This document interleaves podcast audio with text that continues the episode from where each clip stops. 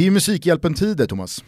Ja, jag vet. Det är många som har varit inne på våra sociala medier och undrat vad gör Tutski-gubbarna här nu? Mm. Vi eh, har ju alltid varit med på ett eller annat sätt i flera år, tidigare poddar och sånt där också och bidragit eh, med hjälp av tävlingar och annat, eh, egna bössor och så. Mm. Och den här gången så är vi lite trögstartade, det är ju redan torsdag under den här Musikhjälpen-veckan, men vi vill tro att vi nu har kommit över en tröja som kommer få fart på alla Toto Balutto-lyssnare där ute som har en hundring över mm. att skänka till eh, kampen mot eh, barnsexhandel och att eh, barn inte ska vara till salu.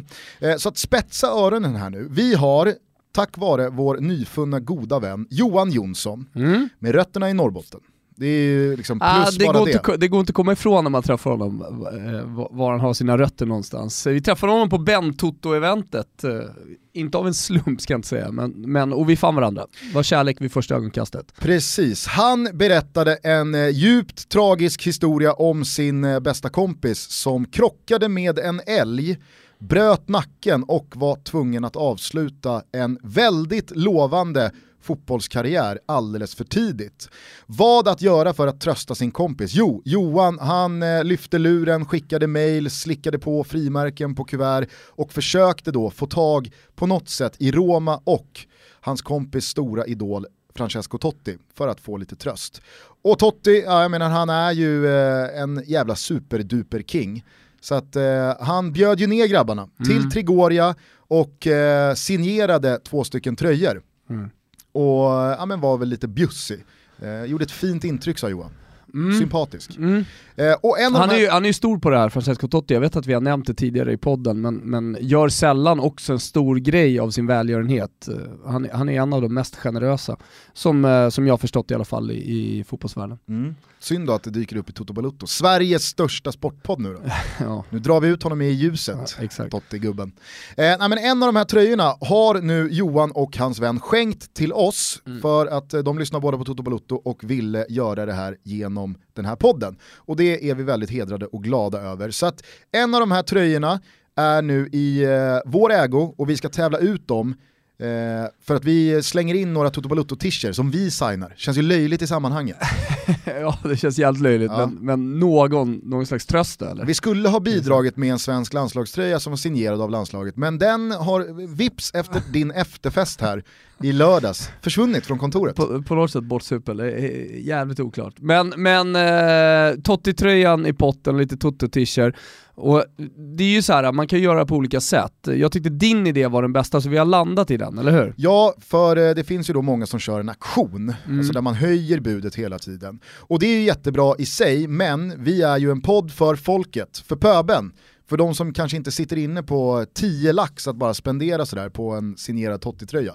Vi gör istället så att i våran bössa, mm. som då heter Toto Balutto, väldigt lämpligt, så skänker man 100 spänn fotar av det här eh, kvittot och eh, skickar in på Twitter. Mm. Eh, hashtagga då, då eh, Toto-hjälpen. Mm. Vi kör Toto-hjälpen, hashtag in och alla som gör det de är då med och tävlar om Totti-tröjan. Precis, så då blir det liksom en platt tävling om den här tröjan. Alla som skänker 100 spänn till Musikhjälpen eh, är med och tävlar om eh, dels då Totti-tröjan, det får vi säga är första priset. Mm.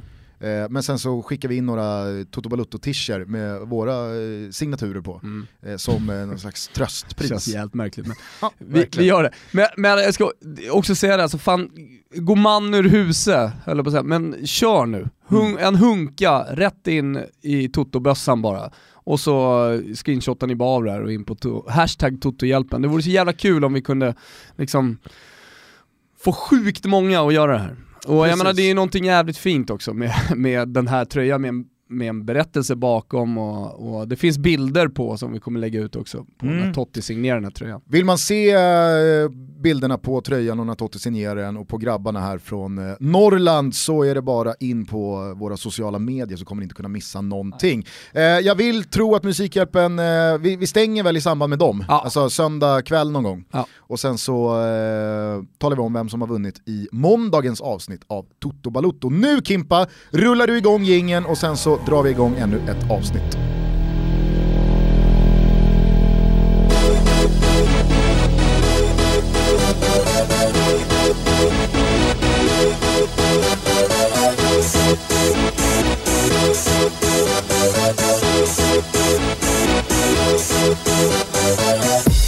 For this?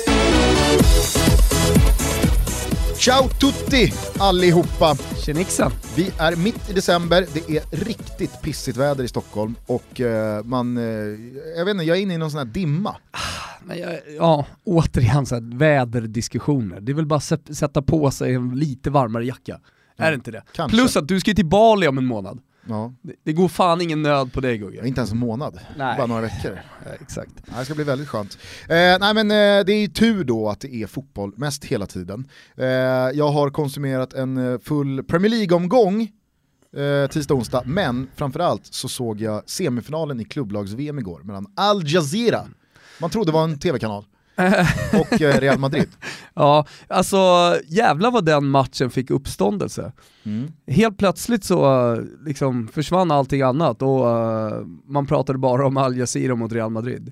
Uh, och som Tancredi Palmeri skrev, fan de försvarar sig riktigt bra här Al Jazeera. Han var imponerad, och så, då, då klickade jag in mig på den här matchen också och, och såg den. Men sen så löste de det till slut, och det var ju tråkigt. Att, att, Real Madrid löste det ja. Ja det är klart. Varför då?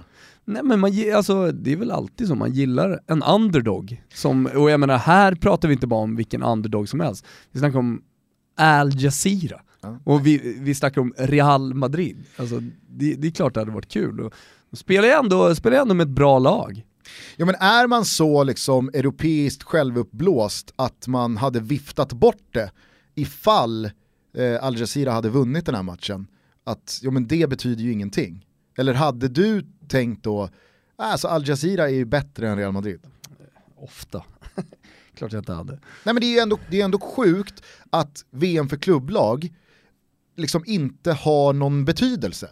Vinner inte det europeiska laget så tänker man aldrig att ja, men då är de sydamerikanska eller de asiatiska mästarna det är världens bästa klubblag, så tänker man ju inte. Ja, men när någon någon gång skapade den här turneringen ja, så, var, med, så fanns det ju ändå en liten tanke kring det, att här ska vi faktiskt utse det bästa laget i världen. Ja, men det är ju ingen som Nej. Eh, lägger den eh, liksom, titeln i potten. Nej. om inte det europeiska laget vinner. Och det är, det är ju alltid, man kommer ju tillbaka till det med fotbollen, alltså när man försöker skapa nya eh, turneringar, och, eh, alltså vi har ju varit med om det i Sverige, med allt från Nackas minne, fan RIP alltså. Rack, Nackas minne. Vilken turnering det var. Oj oj oj. För de som inte kommer ihåg det. delade Globen på tre liksom. För de som inte kommer ihåg det så var det en inomhusturnering mellan de tre Stockholmsklubbarna, AIK, Djurgården och Hammarby i Globen och man körde alla tre klackar oh. samtidigt. Alltså det var, alltså det var ju rusningar överallt hela tiden. Det var fullskaligt kaos. Ja, ja. Eh, Royal och League. Helt underbar fotboll. Ja, Royal League. Royal League var ju liksom diametral motsats mm. till Nackas minne. Mm. Flög ju inte överhuvudtaget. Sen, alltså, om man ändå pratar om tradition så, jag saknar ju cupvinnarcupen. Ja, herregud. En eh, oerhört fin turnering. Ja, och cupvinnarcupen hade ju någonting att ja, men, den, den blandade så många olika typer av lag. Mm. Du kunde ta dig in i cupvinnarcupen för att du hade vunnit en cup i ett dåligt land. Ja. Du behövde inte ha vunnit ligan, alltså det, det, det gick att ha en cup run och sen så fick du Lazio mm. eller... Eh, men, men alltså klubblags-VM, alltså dels så är det ju ett kommersiellt jippo såklart, alltså möjlighet dels att visa upp sig i andra delar av världen, alltså få ut sitt varumärke som klubbarna numera har, har blivit också. Eh, och ja, alltså att det finns en titel någonstans i potten, det, det, det betyder väl kanske en, ja, knappt ens en promille på en säsong för, för en så stor klubb som Real Madrid. Men, eh, men det jag tänkte säga är att det är också beviset på att fotbollen är så traditionsbunden Uh, I och med att ingen egentligen bryr sig. Sen så kan jag alltid, det, det är kul med fotboll och så spelar man den, spelas de här matcherna när det inte spelas någon annan fotboll, då, då, då är det klart att det växer ett, eh, ett visst intresse. Men det är ju snarare för den matchen just där och då. Uh, och igår så, så, så, blev det ju stort bara på grund av att Al Jazeera höll fortet. Mm. Ja, men det vore ju spännande någon gång att... Uh, Vad har du på Al Jazeera Gustav? Alltså jag är ingenting. ingenting. Förutom att de heter som en tv-kanal. Eh, men eh, jag skulle bara säga det att man, man, är ju intresserad och nyfiken på ifall sydamerikanerna ser på VM för klubblag och sin representant Nej. så som vi gör med den europeiska representanten. Alltså, men är det inte lite så som, alltså, Tror med att... allt som är Europa League för Manchester United, alltså det blir intressant i en kvarts semifinal. Innan dess då ska man bara puttra vidare. Jo men det är alltså, skillnad det, och det, det, blir, det blir ju också för, eh, alltså för, för River Plate så, så blir det ju stort när de kommer till final, eller när slutspelet ja, eh, Såklart. Pågår. Men För det är väl någon slags slutspel sen när, när, när man åker till en plats någonstans, oftast i Asien, ja. och, och gör upp. Ja, men, eh, Champions League-mästarna kliver ju in i semifinal, de spelar ju mm. bara semifinal och eventuellt då en final, men det blir ju alltid final för mm. man möter de asiatiska mästarna. Jo. Eller, eh, de afrikanska mästarna och så blir det en promenadseger. Nu blev det ju inte det igår, men så är regeln. Jag undrar bara, om gemene sydamerikan tänker när River Plate eller Flamenco eller eh, Boca Juniors eller vilka det nu är, Corinthians, när de vinner, känner sydamerikanerna att ja, men vi, våra klubblag mm. är bättre än de europeiska klubblagen? Vi Nej. har världens Nej. bästa klubblag. Nej, det tror jag inte. Så, det är klart, det finns väl alltid något fanatiskt, någon fanatisk supporter som tänker så, men, men nej alla, alla, vet ju, alla som är, jag menar så här, man måste ju ha respekt för fotbollssupporten och jag menar oavsett var du kommer ifrån i världen så, så är ju, alltså numera är ju fotbollen global och alla har ju koll på hur hierarkin ser ut och vilka som är bäst. Eh, alltså är du bra i River Plate, är du riktigt bra i River Plate då hamnar du i Fiorentina. Det är klart att du kan, ja, men, alltså det är klart att någon större klubb har, har gjort värvningar därifrån tidigare, jag menar så här, eh, Neymar kom från Santos och så vidare. Sånt händer ju att man går direkt in i en stor klubb. Men oftast så, så, så landar ju nyckelspelarna i, i, alltså de bästa spelarna i en klubb som ligger precis bakom. Mm. Så, och det, det, det, har ju de koll på såklart också, alltså respekt för kunskapen, för fotbollskunnandet. Är, är det någonstans, nu tog du upp de sydamerikanska, så är det någonstans man har jävligt bra koll på på fotboll så är det väl där nere. Den här eh, matchens stora rubrik var ju dock det som skedde i halvtid när spelarna gick av planen. Al Jazeeras brasilianska mittfältare Romarinho, han eh, valde att byta tröja redan då. Och inte med Ronaldo, kan man ju tänka sig att Ronaldo är dyrgripen i sammanhanget som man vill ha. Nej, han bytte med Casemiro. Mm. Eh, spontan tanke och känsla Nej men alltså det, det, har väl med, alltså de är från samma land att göra. Och att det kanske har varit en idol. Fast vem har Casemiro som idol? Fin, fin jävla lirare, vad vet du? Sen kanske, han, sen kanske han bara insåg det, att jag kommer inte få byta med Ronaldo. Jag, jag, tar, jag tar ett säkert kort här. Jag måste ju säga att jag tycker att det är, det blir en magstark krydda till det här bytet, att Al Jazeera faktiskt leder med 1-0. Ja. Det hade ju varit en sak ifall de hade, liksom, okej, okay, redan i paus så ligger man under med 4-0. Skitsamma, vi är redan ute, jag passar på. Mm. Men i ledning 1-0 efter halva matchen, då har han fokus på att mm. måste hugga Casemiros tröja. Det är lite ja, sorgligt. Sånt där har ju hänt tidigare, liksom, just det här med, med liksom, spelare som byter tröja tidigt. Och... Sorgligast var ju eh, nu... Eh, nu skiter man ju jag... lite i det i och med att det är Al Jazeera, man, ja. man har kanske en större förståelse för det, men, men det, det har ju hänt i större sammanhang. Ja, nej, men jag kommer ihåg, vad, vad, vad, vad den hette nu då, vänsterbacken i Arsenal, kan ha hetat André Silva, eh, något sånt. Eh, som då bytte tröja med Robin van Persie mm. när han hade lämnat Arsenal och gått till Manchester United i deras första möte i paus. Mm. Han blev ju eh, skinnflådd Ja men exakt, exakt. Men, alltså, när Pordenone håller på att slå ut Inter, så även om de gör en stor match, så kan jag tänka mig att det var spelare som redan i halvtid, kanske till och med innan matchen, började liksom penetrera den spelaren som man ville byta med. Ja. Vi har ju Paxen tröja, vet du det? Ja, jag har eh, Undrar om det byts i halvtid? Vi kan, ju fråga, vi kan ju fråga Lustig om det, berätta. Ja, nej men vi blev ju väldigt glada när vi eh, följde Europa League-lottningen eh, i eh, måndags och såg att eh, Celtic fick Zenit Sankt Petersburg. Kanske inte eh, sådär jättemycket för det sportsliga eventet, det är väl en match som inte direkt får det att kittla. Men nu har vi ju möjligheten att eh, ställa vår älskade Micke Lustig mot då vår på något sätt älskade. Mimo Crescito. Mm. Eh, de möts ju dessutom, eh, om båda nu spelar, vilket vi, vi tror att de gör, eftersom det är en viktig match, 16-delsfinalen. Framförallt så är det ett dubbelmöte, så vi har ju två chanser. Ja exakt, vi har två chanser. Sen, sen hade det ju varit fint med en liten film också. Mm. Ja. Nej, men det... men Crescitos tröja ska till eh, Toto Balutto-studion. Ja. Får vi kanske eventuellt skicka ut den i Musikhjälpen 2018? Tre pers går in och lägger en hooka. Exakt. Ingen vill ha Ingen Ingen vill ha Nej men Lustig har fått klara instruktioner ja. eh, vad han ska göra med den där. Eh, jag vet inte, då kanske man inte ska dela ut då någon gulasch till Romarinho. Nej, jag tycker han klarar sig. Jag tycker, jag tycker han klarar sig. Det är klart han ska ha Casemiros tröja. Han är på och det är också klart att han ska ha den i paus. Ja. Mm. Okay, ja. Eller så var det Casemiro som frågade Romarinho om han ville byta tröja. Vad fan vet jag? Nej, det, det hade ju varit mäktigt. Mm. Då, skulle ju, då hade ju Casemiro fått en gulasch. Ja. ja. Men nu klarar sig då Romarinho Eh, Men du var inne på den här veckan, vi ska, vi ska såklart komma till den, till den brittiska fotbollen. Eh, det är ju vilda västern där borta i, i England. Men jag tänkte bara kort eh, höra om du har följt hela den här Donnarumma-cirkusen. Vem?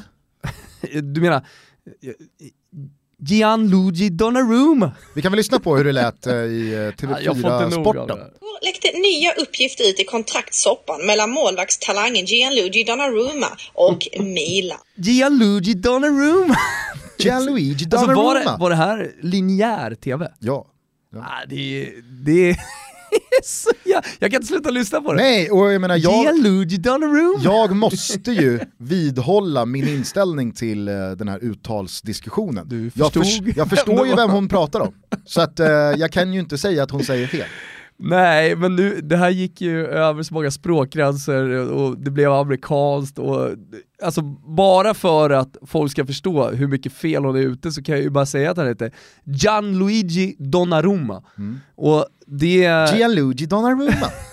Vi kan lyssna en gång till. Gianluigi Donnarumma. Nej, jag, jag, alltså, jag, jag här, kan inte heller få nog. Jag kan heller inte få nog. Jag lyssnar, jag ler, jag skrattar, eh, jag lyssnar igen. Men jag måste ju liksom jag, jag kan inte, för att vara sann mot mig själv, säga att det är fel. Hon säger rätt. Nej det gör hon inte, det är språkligt fel. Det, alltså, du, kan, du vet att du kan göra språkliga fel. Men principiellt så förstår jag ju vem hon pratar om. Så att, eh, språkligt Helt rätt, helt rätt. Mm. Eh, ja, jag har ju hängt med, vi började ju prata om den här eh, soppan redan eh, i eh, slutet på maj, början av juni. Mm. Eh, när det då blossades upp att Donnarumma ville och skulle lämna Milan. Och under U21-EM så såg vi bland annat då det kastas låtsaspengar mot Donnarumma som döptes om till Dollarumma. Eh, och så var ju där en jäkla härva. Eh, det slutade i alla fall med att han signade ett nytt kontrakt med Milan. Att Milan dessutom, för att vara schyssta eh, och på något sätt använda det som en hävstång, för att Donnarumma ska signa för Milan så kontrakterar de också hans storebrorsa mm. som är en eh, målvakt som inte alls har på Milans nivå att Nej, göra. Nej, och det pratades dessutom om en ganska fet lön, typ mille euro netto per år. Mm. Eh, och det här var ju vi lite, eh, kanske inte oroliga över, men vi trodde i alla fall att det skulle bli lite jobbigt för Donnarumma i inledningen av den här säsongen. Men som så många gånger förut så har man ju ganska kort minne, i synnerhet när då prestationerna inte går att ifrågasätta. Och mycket kan man säga om Milans höst, men det har ju inte fallerat på Donnarumma. Nej, absolut inte. Sen har han inte varit sådär övermäktig som jag tycker att han var när han eh, gjorde sin debutsäsong. Nej, nej, men det finns men, ju men, många, många eh, fler spelare ja, att peka på att vara besvikna på. Kanske framförallt stora värvningen Leo Bonucci. Ja. Eh. Och det, det har ju tyvärr då Donnarumma fått eh, lida lite för. Ja. Och de bilderna som kablades ut igår var ju bland annat på Bonucci i omklädningsrummen när han såg ut i alla fall att trösta Donnarumma, exakt vad som sades ingen aning om, men, men det var ändå någon slags eh, eh encouragement. Han satt med huvudet ner och, och liksom, ja. ja. men för nu går det ju lite händelserna i förväg. Vad är det då som sker på läktaren inför eh, Milans kuppmatch mot Hellas Verona? Jaha, nej, de, då kör ju kurvan en banderoll. Eh, och, och som, som, mer eller mindre säger att liksom, nu, nu är tålamodet slut, eh, du har gått alldeles för långt. Det, det, var, det var, en offensiv banderoll alltså, den, den, den, var, den var jävligt eh, stark. För det här har väl då blossats upp igen, när då Mino Raiola har gått ut och sagt att ja, men, Eh, Donnarumma skrev på det här kontraktet under psykisk terror. Ja, exakt. Och att han ha, blev pressad till att skriva på det här kontraktet. Och det, det är ju en klassisk eh, Mino Raiola-övning, och vi kommer ju landa i Mino Raiola, vad det lider i den här diskussionen. Eh, I och med att det är han som har startat alltihopa. Men det vi ska komma ihåg, när kontraktet till slut skrevs i somras, Eh, och när man liksom gjorde slutförhandlingarna, då gjorde man inte med Mino Raiola, utan man gjorde slutförhandlingarna, alltså Mirabelli som är sportchef och Fasone som är klubbchef, de gjorde slutförhandlingarna med Donnarumma och hans familj. Alltså man ville inte ha med min Raiola att göra mer eller mindre. Eh, så, så, att det är jävligt infekterat redan från i somras mellan Milan och Raiola. Eh, nu, nu har Donnarumma fortfarande kvar Raiola som eh, agent, jag vet inte vad det finns för, för liksom kontraktssituation där, men, men, men att mitt i december från ingenstans gå ut och göra sådana här uttalanden, det, det är ju liksom inte, det är inte en slump, det är eh, jävligt planerat eh, och eh, det är klart att Mino är alltid en räv bakom örat, men, men i det här läget så vill han, ju, vill han ju att någonting ska hända. Och det är lite lustigt med Mino Raiola som alltid har varit emot journalister. Det har ju nästan varit liksom en ständig kamp. Helt plötsligt nu så utnyttjar han journalisterna. Nu utnyttjar han media. Utan media så, så hade inte Mino Raiola liksom lyckats med några av de största affärerna som han har gjort de senaste åren. Eh, och, och ja, det, det är exakt det han gör här nu. Han går ut och, och sätter en jävla press på, på Milan. Problemet är ju att då, då hamnar ju Donnarumma i kläm. Ja, för vi kan väl säga det att då vecklas det ut en banderoll som med all önskvärd tydlighet då ja, men, drar en gräns. Det stod väl ungefär någonting i stil med psykisk terror? frågetecken.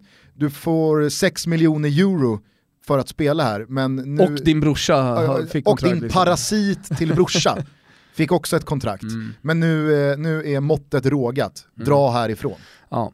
Och jag har märkt då att det här har liksom delat fotbollssupportrarna, alltså inte Milan-supportrar men, men fotbollssupportrar i två läger.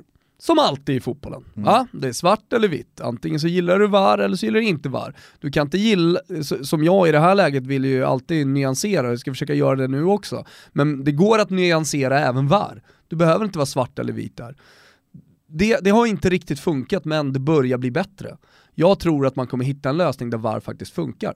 Ja, då är jag beredd på att ta domslut hit och domslut dit eh, som, som inte stämmer. Mm. För att liksom eh, på något sätt eh, följa utvecklings, utvecklingskurvan framåt för fotbollen. Eh, och det behöver ju fotbollen göra, behöver hela tiden förnyas, behöver hela tiden bli bättre och vara, leva i samtiden. Men vad det gäller eh, Donnarumma då, alltså om man ska nyansera det här, alltså är det ju dels det ekonomiska, liksom, att han tjänar 6 miljoner och sen så att han sitter och gråter. Det är en kamera som är inne i omklädningsrummet när han har ett snack med Bonucci. Ja, ni kanske borde veta att det, det finns en kamera där.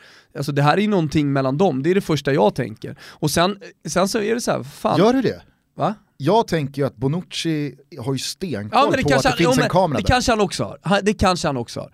Uh... Jag är ju så cynisk att jag tror att hade det inte funnits en kamera där ah. så hade inte Bonucci tröstat Donnarumma. Ja, ja vi, absolut, det kan vi absolut spekulera i.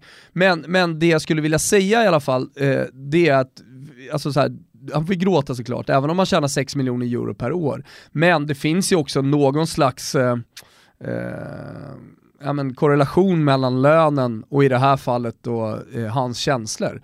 Alltså, du tjänar fortfarande 6 miljoner per år. Du har precis signat med Milan, du är 19 bast, du ska vara jävligt glad att spela i klubben. Alltså de där tårarna är ju inget värda. Om jag, om jag hade varit Milan-supporter så är de inget värda. Nej, dels det. Men jo jag... men det är, här, det, det är det jag menar, det är här fotbollssupporterna delas. Ja. Alltså jag tar ju ställning här. Ja. Eh, för att det är många som tycker att han ska få gråta hur mycket han vill. Och alltså, det är klart att han ska få gråta, men det är fortfarande, det, det är fortfarande magstarkt att ha känslor med Gianluigi Donnarumma i det här på, fallet. Vi lyssnar på det.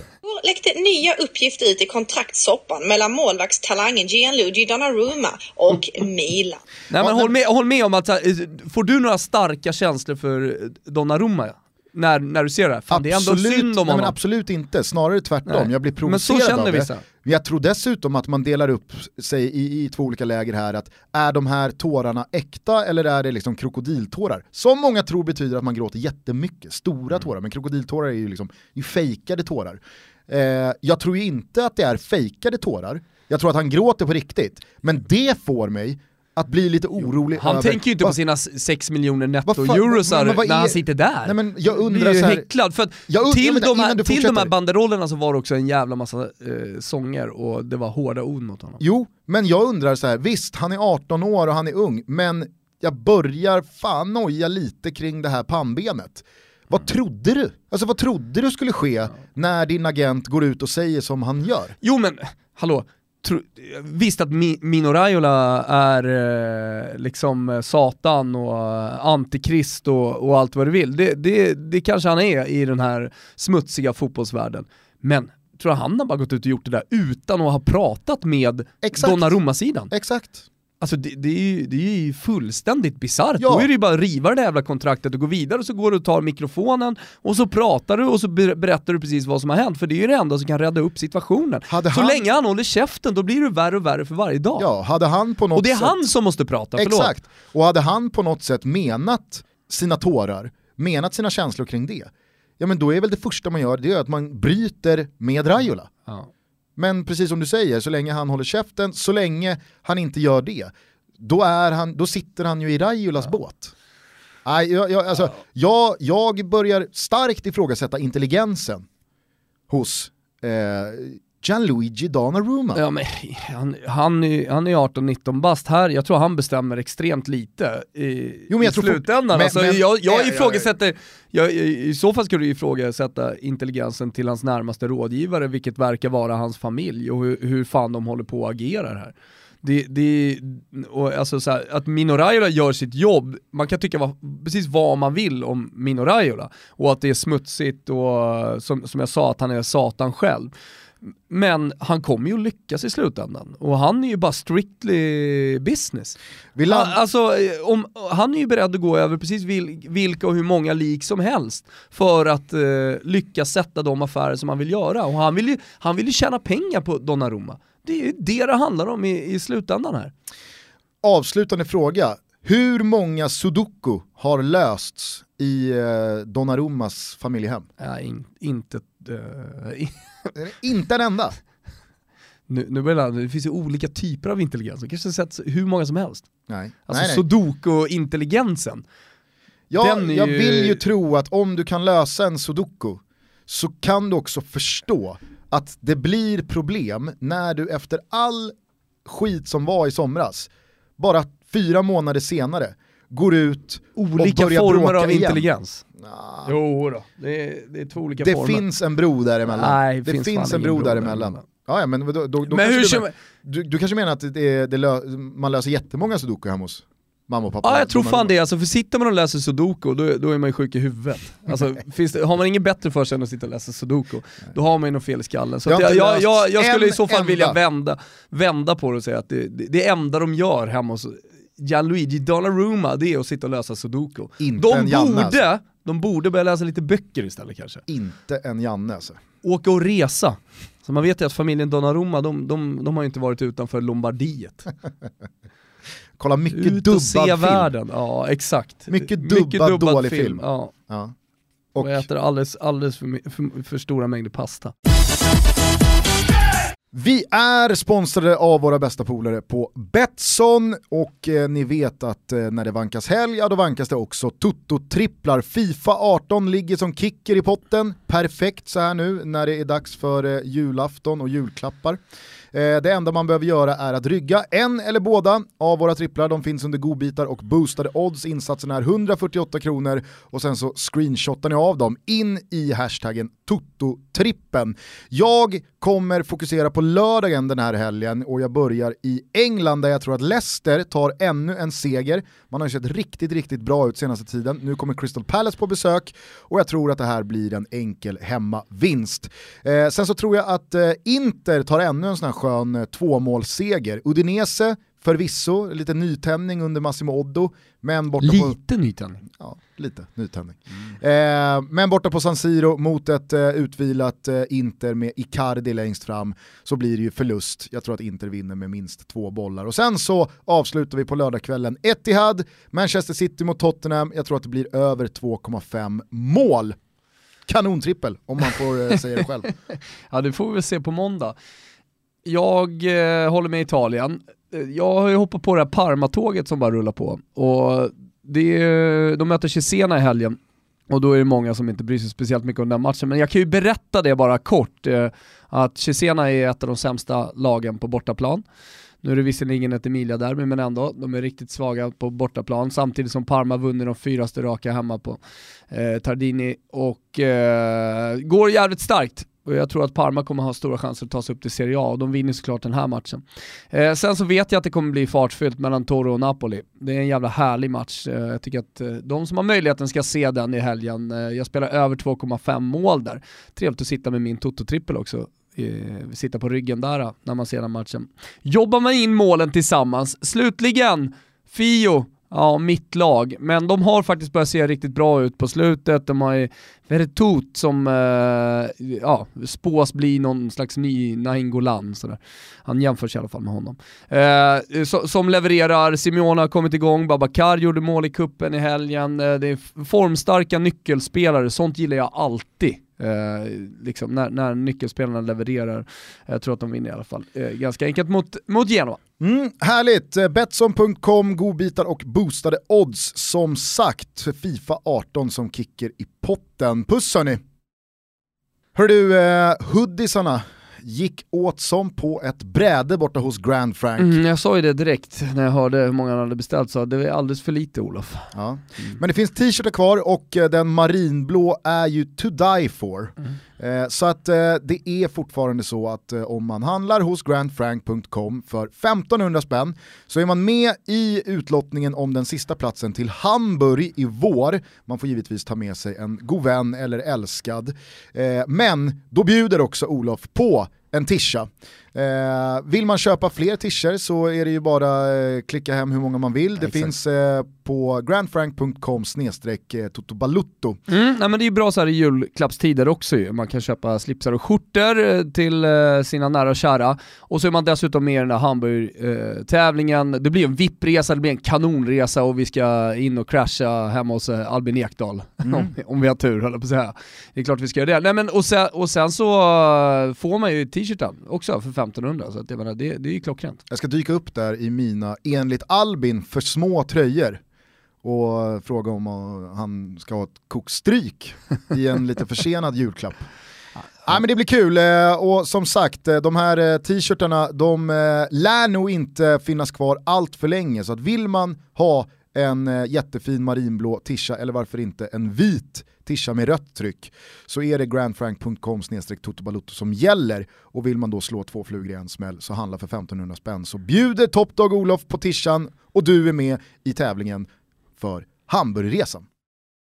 Refunder är en kanontjänst som vi är glada och stolta över att samarbeta med och det är perfekt att utnyttja Refunders fördelar när det nu ska handlas julklappar online. Ja exakt, här finns det flera anledningar att gå in och signa upp. För det första så är det gratis. Eh, ni går in på refunder.se slash totobalutto Eh, och gör man det då, då får man inte bara utnyttja tjänsten, vilket betyder att man får pengar tillbaka på köpen.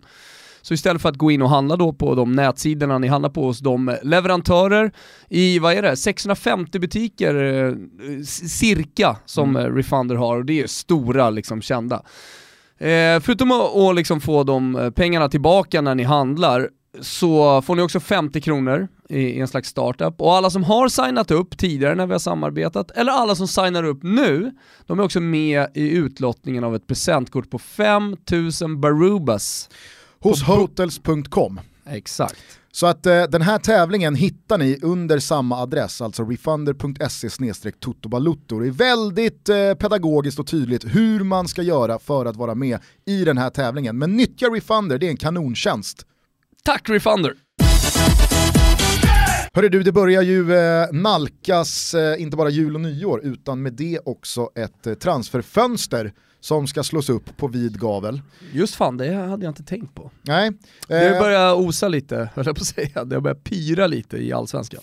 Ja, ja, ja, där de tjuvstartat. Absolut, men jag måste säga att för första gången på flera år så tycker jag att det har varit ovanligt lugnt och tyst kring de stora klubbarna ute i Europa. Det är väl Sanchez och, och Özil va?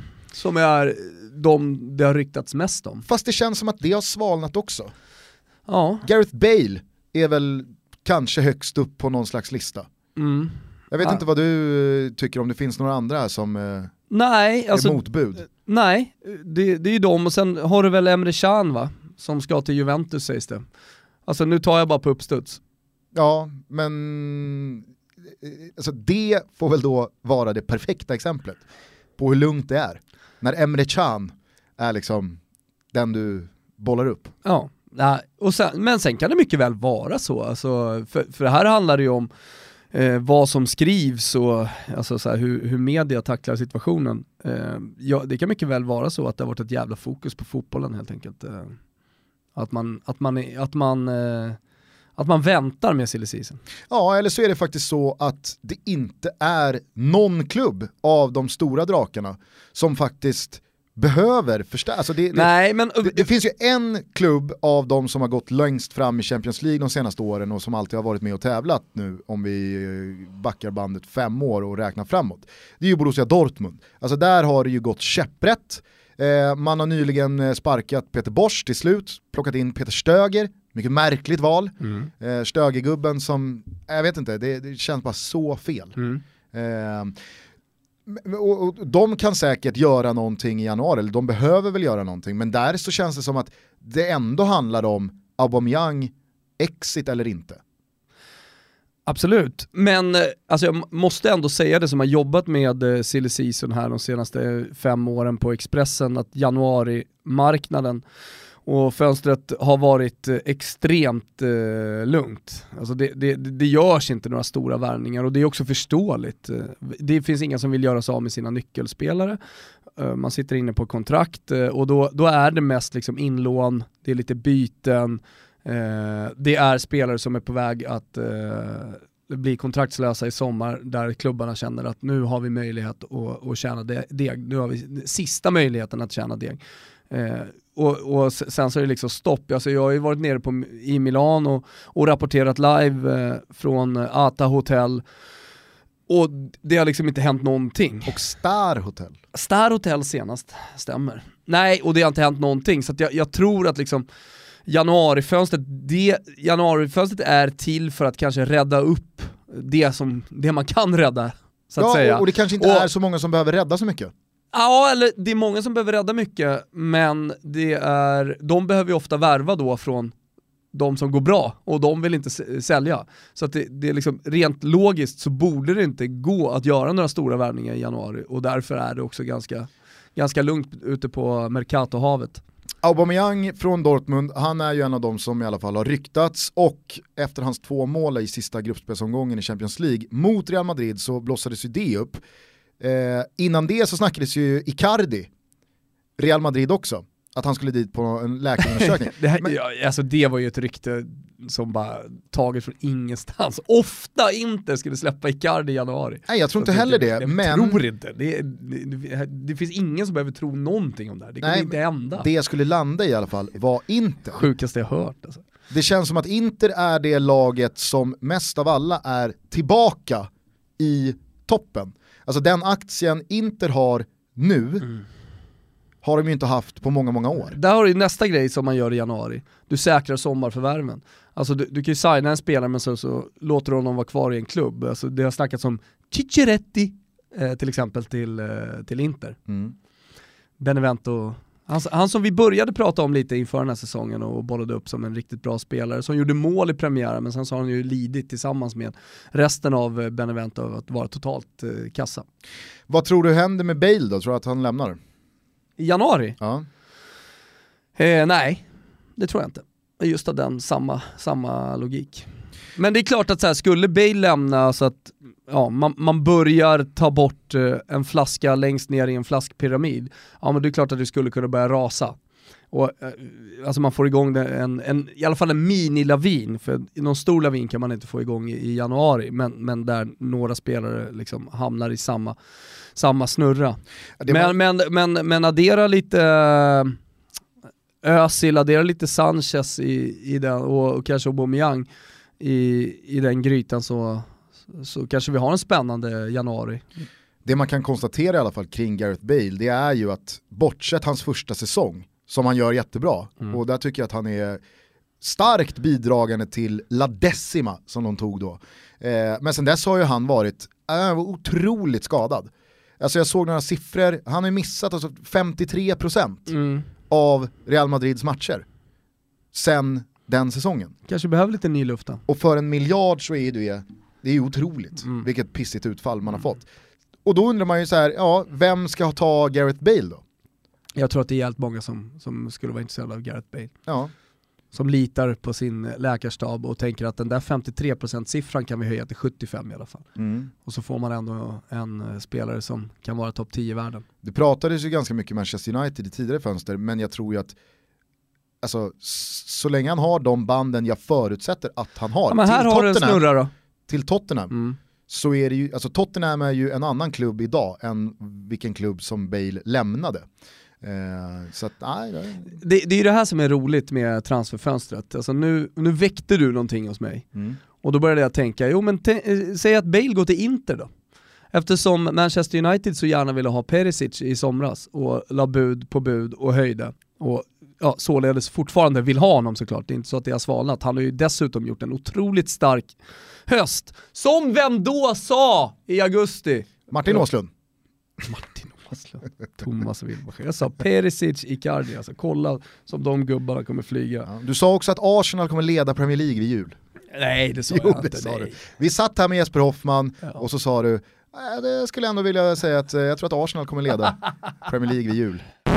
Det jag känner bara så här, kort inspel på toppstriden, det är lite Manchester Citys säsong emot. Är, får de ut, får Pep Guardiola ut maximalt av sitt lag, ja men då skulle de kunna rinna ifrån, ha den här 6-7 mm. poäng eh, förspr försprånget eh, i december. Och så känns det nästan lite kört. Mm. Men, blir det inte så, eh, samtidigt som City liksom går bra i, Champions League, mm. ja men då, då, är, då är det i slagläge, till och med för Arsenal.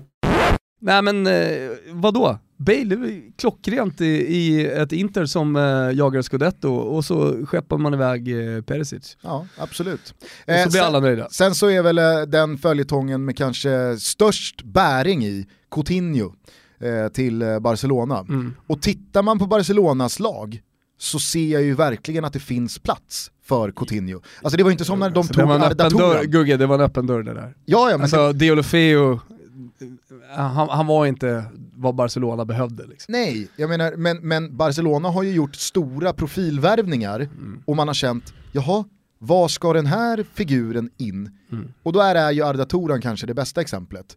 Klockren i Atletico Madrid och så plockas han till Barcelona, sitter av ett halvår i karantän för att sen inte få nej, plats blev aldrig bra. någonstans. Nej, det, blev, det, var, det var misslyckat. Men uh, nej, det, och den, jag menar Coutinho till uh, Eh, Barcelona sitter ju förr eller senare.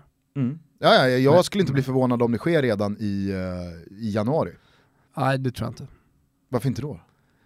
För att det är januari, för att uh, Coutinho fortfarande är en viktig spelare för Liverpool.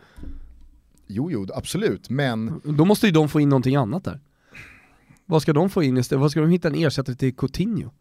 Annars, annars har de gjort sig till ett sämre lag i januari för resten av, eh, av serien. Det är ju fullständigt idiotiskt. Hur, hur, kan man tänka något sånt? Ja, jag, jag, skulle inte, jag skulle inte... Jo men nu har du möjlighet att argumentera för liksom, din sak här. Ja, men Keita kommer ju i sommar, det är klart. Eh, du har, eh, alltså, du har, vad är det Björn Westerholm brukar säga? Ersättaren finns i truppen. Klassisk Björn Westerholm-sägning, AIK sportchef. Men hostar de upp en miljard drygt, ja då kan de väl rycka någon. Mm. Coutinho ja, kommer ju lämna. Ja. Och precis som du är inne på, för jo, varje fönster Jo men du kan ju fortfarande göra upp dealen och sen så får han gå i somras, men du släpper honom inte i januari. En, en, en nyckelspelare, det, det, det finns inte. Liksom. Inte för en så stor klubb som Liverpool med så många supportrar runt om i världen. Det, det, du, du, kan inte, du kan inte göra laget sämre i januari. Fast 60-talisterna, alla de 60-talister som sitter runt om i världen och håller på Liverpool, de är ju också så här, ah, okej okay då. Ja de är, ja, ja ja. De bryr sig vill han, vill han gå så ska han gå. Ja, då är det bättre att han går. Ja. Ja. ja. det blir väldigt spännande i alla fall. Jag tycker det är kul att uh, många som lyssnade på vårt avsnitt med Tancredi Palmeri innan playoffet mot Italien fick upp lite ögonen för honom och han är ju så mycket mer än eh, bara en rapportör kring den italienska landslagsfotbollen. Han har ju stenkoll på väldigt mycket kring silly season och klubbarna runt om i Europa, vad de ska göra. Eh, så att eh, vi kommer väl ha med Tank eh, på länk vad det lider här nu i januari. Ja, ja, nej men alltså, all, all, även om jag sitter här och pratar om att det förmodligen återigen blir en lugn januari, ett lugnt januarifönster så är det klart att vi har med Tancredi och vi kommer ha ett stort fokus på, på silly season. Mm. Och sen så kommer vi såklart också ha fokus på den svenska marknaden också, det händer ju grejer där, eh, mest hela tiden. Spännande val av BP måste jag säga igår. Ja, eh, alltså spännande så tillvida att man har ju noll eh, aning om vem den här gubben är. Ja, och det är ju det som känns spännande, att det är något nytt, fräscht, man har ingen förutfattad Liksom... Ja, eller så blir det en sån här span, eh, Halmstad spanjorvärvning. Peppklåtet? Ja. ja men fan. Alltså, alltså jag, jag lutar ju snarare... Missförstått geni. Ja, jag lutar ju snarare åt det hållet. Ja. Ja men det, det, liksom så här, det känns ju fräschare än att de hade plockat Peter Svärd. Alltså, fräschare och fräschare. Vi får väl se.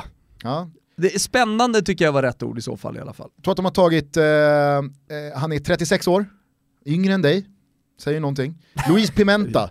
Eh, senast då från Kongsvinger i eh, Norge ledde mm. de till en cupfinal. Så han har varit och, varit och känt på den skandinaviska fotbollen. Mm. Ja, jag, jag, tycker det ska bli kul. Mm. Eh, på tal om Peter Svärd, han har också landat nytt gig. Sportchef i Landskrona Boys. Grattis. Mm, det är ju spännande och liksom så här, ja, är Peter Svärd the main man för ett sånt jobb? Kanske, vad vet jag? Alltså, jag, jag har no också noll relation till Peter Svärd, alltså jag får upp eh, noll referenser jag, jag, tänker absolut ingenting, det är helt tomt i skallen på mig när, när du nämner Peter Svärd. Så att, eh, jag, och jag tror den flyger förbi de flesta av våra lyssnare också. Kämpa Svärdgubben! Ja. Vill du säga någonting om den här Midweek-omgången Gusten? Vi hade ett Arsenal som kryssade, vi hade ett Liverpool som kryssade andra matchen i rad, lyckades inte göra mål, två stycken 0-0 matcher. Eh, samtidigt som eh, Manchester City bara fortsätter flyga, Manchester United vinner, Lukaku gjorde mål igen, kanske var den stora snackisen, tillsammans med att Rooney har gjort nio mål, lika många som Lukaku. Båda vinner, båda vinner sina matcher, Everton har kommit igång med Sam Allardyce.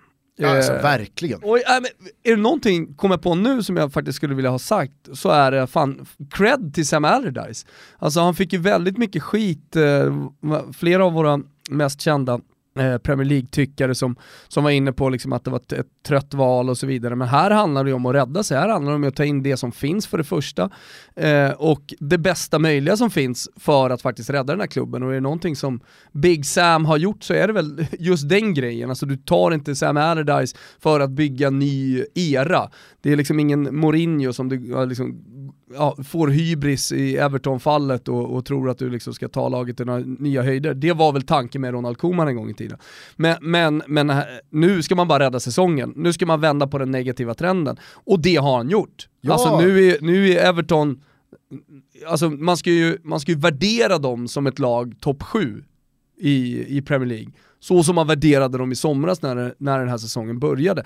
Med tanke på spelarmaterialet och, och kanske lite vad de har gjort de senaste säsongerna också. Ja, alltså sett till truppen och sett till värvningarna så är ju sjunde platsen, alltså bakom de sex stora, det ska ju vara Evertons. Ja men exakt. Eh, men eh, helt riktigt, Big Sams claim to fame är ju att han aldrig har åkt ur en serie. Nej. Och det kan man ju säga vad man vill om, men så länge den eh, grejen är intakt så är det ju ett jo, starkt papper. Och jag, och jag, tycker liksom inte att man ska underskatta den talangen heller, det är också, det är också en tränartalang. Mm. Alltså det, det, är, det är någonting unikt med det också att rädda kvar klubbar. Ja. Det, det, de, de är ju ett 20-tal i de stora ligorna som faktiskt eh, är extremt skickliga på just det. Och att vända negativa trender, komma in som interim. Annars, eh, du frågade här om jag ville säga någonting om eh, Ja, om du hade någon tanke sådär. Ja, eh, alltså en tanke som slog mig. Till att börja med så är det ju väldigt tråkigt att man av tv-rättighetsmässiga skäl bara kan se en match eh, genom Viasats eh, olika kanaler när det som igår onsdag är sju matcher som spelas. Man vill ju se så många som möjligt men det visas bara en match och då satt jag och kollade eh, West Ham. Arsenal då, säkert många som gjorde det också.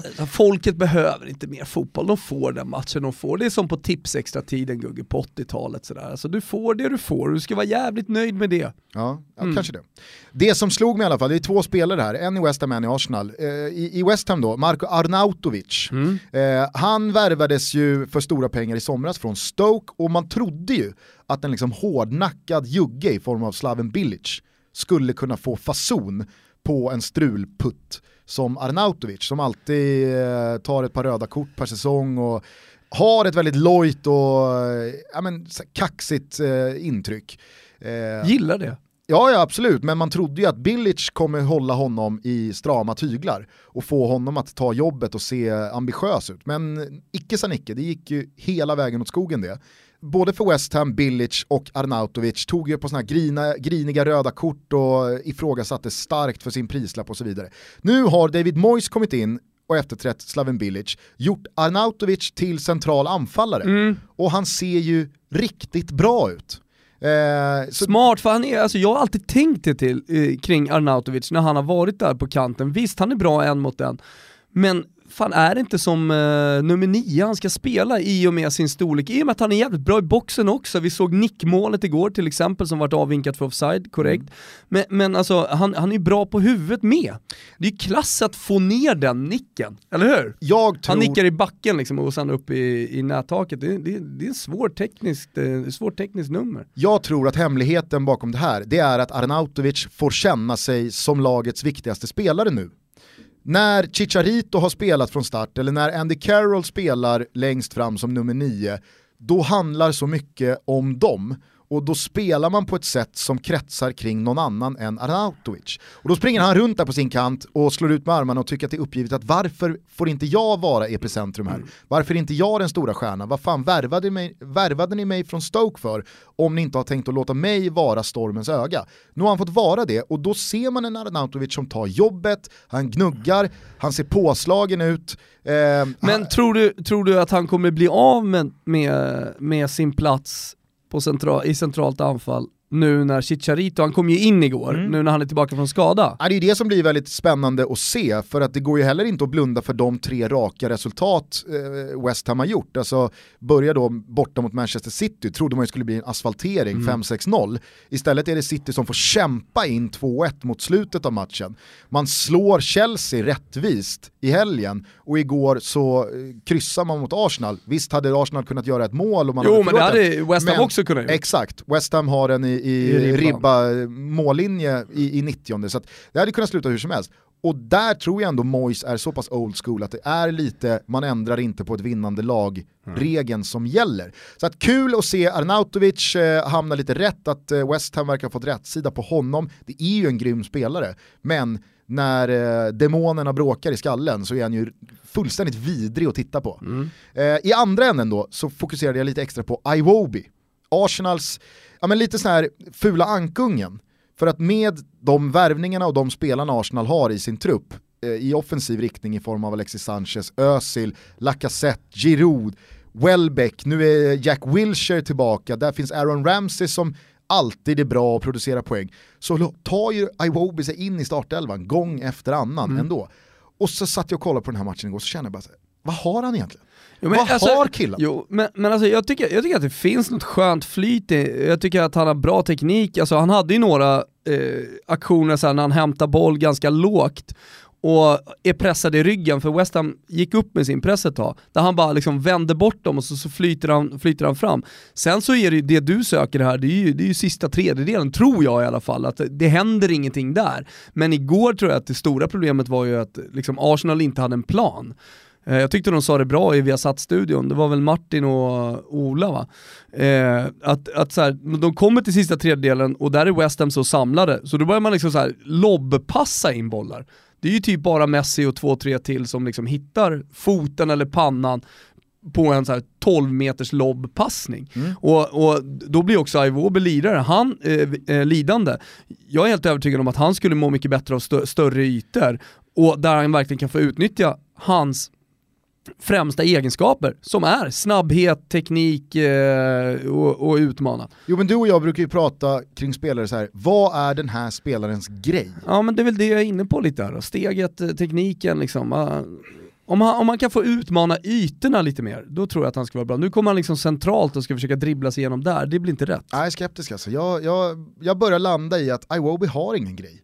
Det finns ingen grej med Iwobi. Och jag säger att det är steget i så fall. Ja, ja det, är, det är ju liksom... ja, ja nej, men sen är jag ju fortfarande så jävla ung. Han är, han, du säger att han får speltid, ja han har fått speltid nu på slutet. Jag tog ut honom från min fantasy Premier League-11 tidigt för att han inte fick spela. Och, så, så, att jag menar, visst han har fått speltid, men eh, lå, låt, låt han få växa lite, låt han få komma in i det här. Han är, han är ju fan knappt torr bakom öronen. Ja, ja. Jag tycker det finns eh, lika ja, men Jag och förstår att du har en viss spelare. spaning liksom sådär, men, men eh, nja, Ge yeah, Iwobi lite tid. Ja, jag ställer mig frågan nu, vad har egentligen Iwobi? Mm. Jag börjar landa i till, ingenting. Du gjorde ju det till Leipzigs eh, anfallare tidigare också. Timo Werner. Ja, Timo Werner. Han har ju allting. Nej, men... alltså, det finns ingenting som Timo Werner inte har. Han har snabbheten, han har styrkan, han har målfarligheten, han har skottet. Eh, han har fall allt Timo Werner. Ja, men han är inte tia på någonting. jo. Nej. jo, på snabbhet är han ju det. Nej. Inte tia. Timo Werner? Nej. Han springer ju från alla. Inte tia.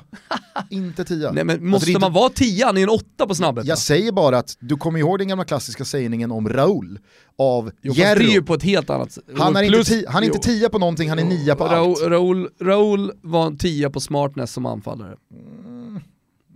Mm. Jo. Nia.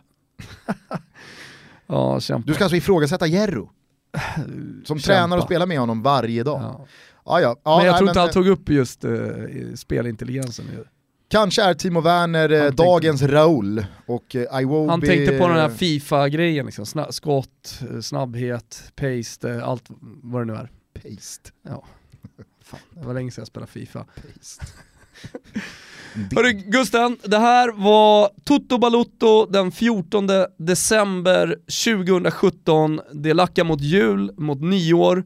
Uh, vi kommer inte stanna här, vi har intressanta gästavsnitt coming up, vi ska summera år. Toto Balotto uh, Awards. Toto Balotto Awards uh, som kanske snart kommer på en scen eller? Ja, nu har jag fått hybris igen. In på Oscarsteatern, nej. nej det ska vi inte göra. Nej men det var ju väldigt uppskattat i fjol när vi då summerade året i ja. form av att dela ut eh, priser till olika spelare och tränare och fotbollsmässiga kopplingar för olika saker. Så att, eh, det ska vi alldeles strax göra, det kommer komma i mellandagarna. Jag tycker att vi avslutar det här avsnittet med eh, en, eh, på tal om då, eh, alltså Pimenta till BP som en ny och fräsch grej, att Lazio-supportrarnas hantering av domaren som enligt dem då felaktigt visade ut Ciro Immobile i eh, måndagens match mot Torino valde att vädra sitt missnöje på ett sätt som jag aldrig har hört talas om förut i alla fall. Du, är du med på vad de har gjort? Nej, jag missade det helt. Ja, den här domaren i alla fall, han eh, luskar ju Lazio reda på då, han driver ett café eh, på eh, fritiden, liksom bortom sin, sin fritid bortom sin domargärning. Eh, så då eh, kraftsamlade ju Lazio-supportrarna och eh, gick man ur huse, om man nu kan göra det online, och eh, via då Tripadvisor sänkte hans café betygmässigt. Så att nu har ju det här kaféet ett i betyg, en stjärna, det rasade från 4,7 ja. av 5 till 1. Ändå, kan ändå tycka kreativt. Exakt, ja. det är nytt och fräscht ja. och det är liksom lagom. Jag berättade det här för Martin Åslund tidigare idag och då när jag liksom så här, då hann jag komma till eh, liksom, punkten att ja, han driver ett café, då såg jag ju bara i Martins ansikte, nej, brände de ner det? ja, Eller liksom så här, de, de vandaliserade hela mm. kaféet, nej nej, utan de gick in flera tusen kanske en skarp, flera hundra.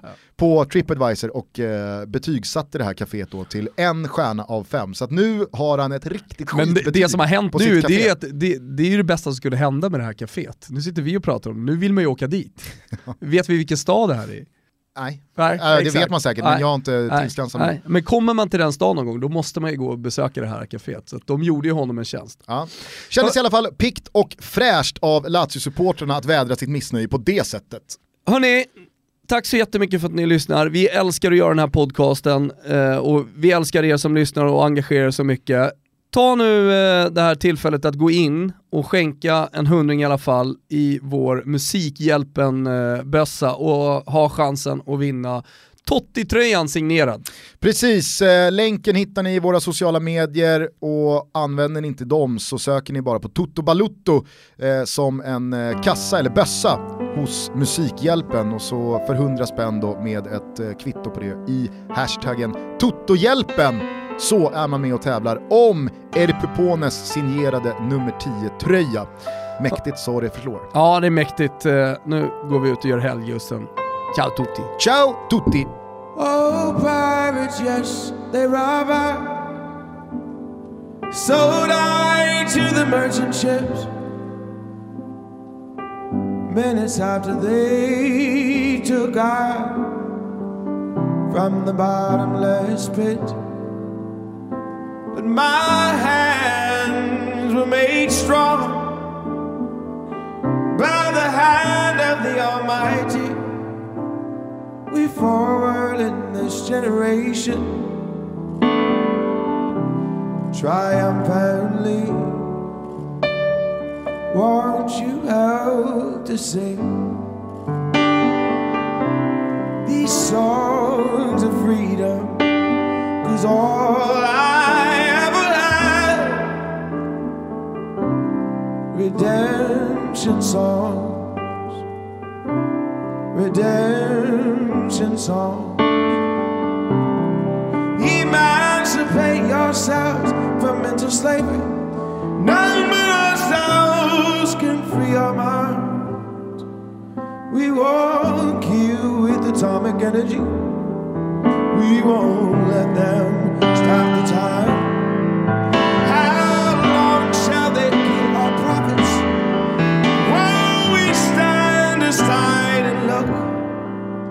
Some say it's just a part of it.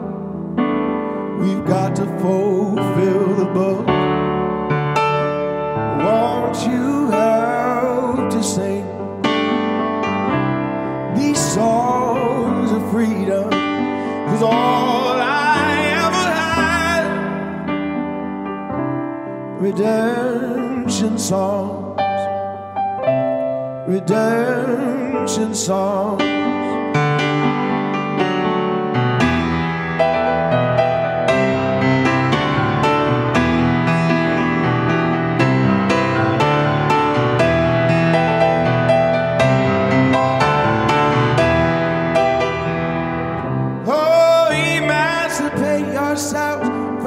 Slavery.